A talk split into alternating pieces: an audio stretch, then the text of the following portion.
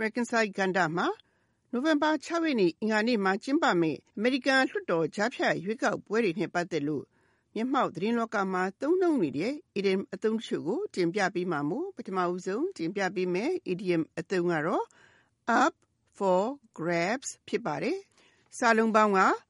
up up ကအပေါ် for for ကအကျွဲ grabs grabs က ဖမ်းယူတာလူယူတာ ဆွဲယူတာဖြစ်ပြီး စကားစုရဲ့တိုက်ရိုက်ဒီဘက်ကဖမ်းယူဖို့လူယူဖို့အစဉ်သင့်ဖြစ်နေတာကိုဆိုလိုတာဖြစ်ပါတယ်ပစ္စည်းတစ်ခုခုကိုအပေါ်ကိုပြစ်တင်လိုက်တယ်ဆိုရင်အဲ့ဒီပြစ်တင်လိုက်တဲ့ပစ္စည်းဟာအောက်ကိုဘယ်လိုပြုတ်ကျလာမလဲဆိုတာကိုမှားရခဲ့တယ်လို့ဘယ်သူကအဲ့ဒီပစ္စည်းကိုလက်ထဲဖမ်းယူနိုင်မလဲဆိုတာလည်းပြောနိုင်ဖို့ကမသေးကြပါဘူးဒီသဘောပါပဲအလုတ်ကိုင်းတွေမှာအလုတ်လျှောက်ကြရင် ဘယ်သူကအလုတ်ရမလဲဆိုတာကို အသေးချာမသိတာ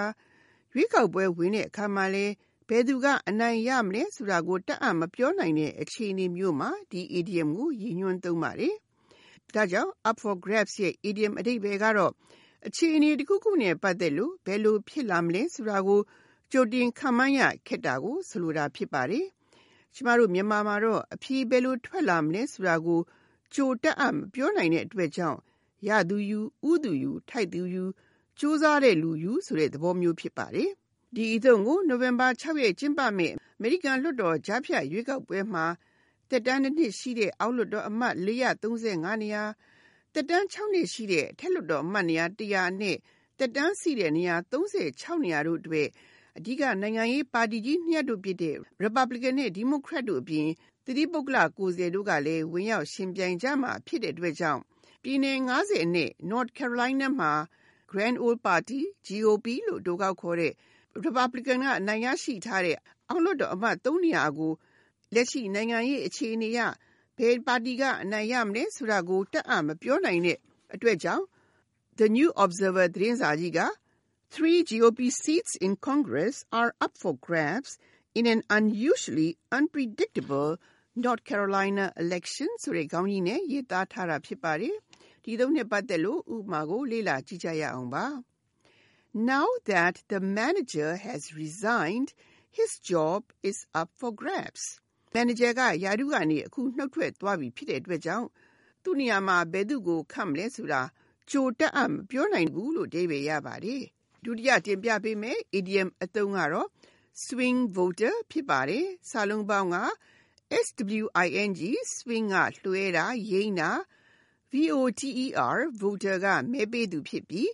စကားစုတစ်ခုရဲ့တိုက်ရိုက်အဓိပ္ပာယ်ကတော့ရိမ့်ပြီးလွှဲပြီးမဲပေးတာဖြစ်ပါတယ်။ idiom ဆိုတဲ့သွယ်ဝိုက်အဓိပ္ပာယ်ကနိုင်ငံရေးမှာပဲဖြစ်ဖြစ်သဘောထားခံယူချက်မှာပဲဖြစ်ဖြစ်ပါတီစွဲတယူသံစွဲမရှိဘဲဟိုဘက်ဒီဘက်စိတ်ပြောင်းပြီးမဲပေးနိုင်တဲ့လူမျိုးကိုဆိုလိုတာဖြစ်ပါတယ်။ဒါကြောင့်ရွေးကောက်ပွဲတွေမှာ swing voters တွေများခဲ့ရင်ဘယ်ပါတီကအနိုင်ရမလဲဆိုတာကိုကြိုတင်ဟောကိန်းထုတ်ရခက်တဲ့အတွက်ကြောင့် ဒီလိုမျိုးပြည်နယ်တွေကို swing states ရဲ့လို့ခေါ်တာဖြစ်ပါတယ်။ဒီအသုံးကိုမကြာမီကျင်းပမဲ့အမေရိကန်လွှတ်တော်ကြားဖြတ်ရွေးကောက်ပွဲအတွက်သမ္မတ Donald Trump ကသူ့ပါတီအတွက်လိုက်ပြီးမဲဆွယ်လှုပ်ရှားရမှာသူ့ပါတီအနိုင်ရဖို့မသေးကြတဲ့ပြည်နယ်တွေကိုမသွားဘဲသေချာတဲ့ပြည်နယ်တွေကိုသာသွားပြီးမဲဆွယ်နေတဲ့အတွက်ကြောင့် MSNBC ရုပ်သံလွှင့်က Trump travels staying away from swing voters ahead of the midterm ဆိုတဲ့ခေါင်းကြီးနဲ့ရေးသားခဲ့တာဖြစ်ပါတယ်။ ဒီအသုံးနဲ့ပတ်သက်တဲ့ဥပမာကိုလေ့လာကြည့်ကြရအောင်ပါ။ Swing voters usually vote across party lines. ဘယ်ပါတီကိုမဲပေးမယ်လို့မဆုံးဖြတ်ရသေးတဲ့လူတွေအနေနဲ့အများအားဖြင့်ပါတီစွဲကင်းပြီးမဲပေးလေ့ရှိကြတယ်လို့ကြည့်ပေရပါတယ်။ခုနောက်ဆုံးတင်ပြပေးမယ် idiom အသုံးကတော့ tight race ဖြစ်ပါတယ်။စာလုံးပေါင်းက tight tight ကကြက်တာ race race ကရှင်ပြိုင်မှုပြိုင်ဆိုင်မှုဖြစ်ပြီးစကားစုရဲ့ဓာတ်ရိုက်အဓိပ္ပာယ်ကကြက်တဲ့ရှင်ပြိုင်မှုဖြစ်ပါတယ်။ကြက်တဲ့ဆိုကြတဲ့ကူကမလှုပ်သားမရှားသားသူနိုင်ကိုယ်နိုင်အပြိုင်ချဲကြရမယ်အနေအထားမျိုးမှာရှိနေတဲ့အတွက်ကြောင့် idiom ဆိုတဲ့ the right အဓိပ္ပာယ်ကရှင်ပြိုင်မှုဟာသူမသားကိုမသားဖြစ်နေပြီးဘယ်သူအနိုင်ရမယ်လို့ပြောရခက်နေတဲ့အနေအထားမျိုးမှာရှိနေတာကိုဆိုလိုတာဖြစ်ပါတယ်။ဒီအသုံးကို The Capitalist သတင်းစာကြီးက For Florida Republicans in tight races, Trump needs to rest his trigger finger ဆိုပြီး Florida ပြည်နယ်မှာအနိုင်ရမယ်လို့မသေချာတဲ့ Republican အမတ်တွေရဲ့အကြပ်အတဲကိုထောက်မျှပြီး Trump အနေနဲ့သူ Twitter ပေါ်မှာစိတ်မထင်ရင်မထင်လို့တက်ရေးတတ်တဲ့လက်ကိုအနားပေးဖို့လိုတယ်ဆိုတဲ့ခေါင်းကြီးနဲ့ရေးသားခဲ့တာဖြစ်ပါတယ်။ဒီသုံးနဲ့ပတ်သက်တဲ့ဥပမာကိုလေ့လာကြည့်ကြရအောင်ပါ။ Both candidates are very popular. It's going to be a tight race. ကိုယ်စားလှယ်နှစ်ဦးစလုံးတို့ကိုလူကြိုက်များကြတယ်။ဒါကြောင့်ဘယ်သူနိုင်မလဲဆိုတာကိုကြိုပြောရဖို့ခက်လာတယ်လို့အဓိပ္ပာယ်ရပါတယ်။ဒီသတင်းပတ်တင်ပြခဲ့တဲ့ idiom အသုံးတွေကတော့ up for grabs, swing voter နဲ့ tight race တို့ဖြစ်ကြပါတယ်။နောက်သတင်းပတ်ခုလိုချိန်မျိုးမှလည်းနောက်ထပ် idiom အသုံးတွေကိုဆက်လက်တင်ပြပေးဦးမှာမို့စောင့်မျှော်နားဆင်ကြပါရှင်။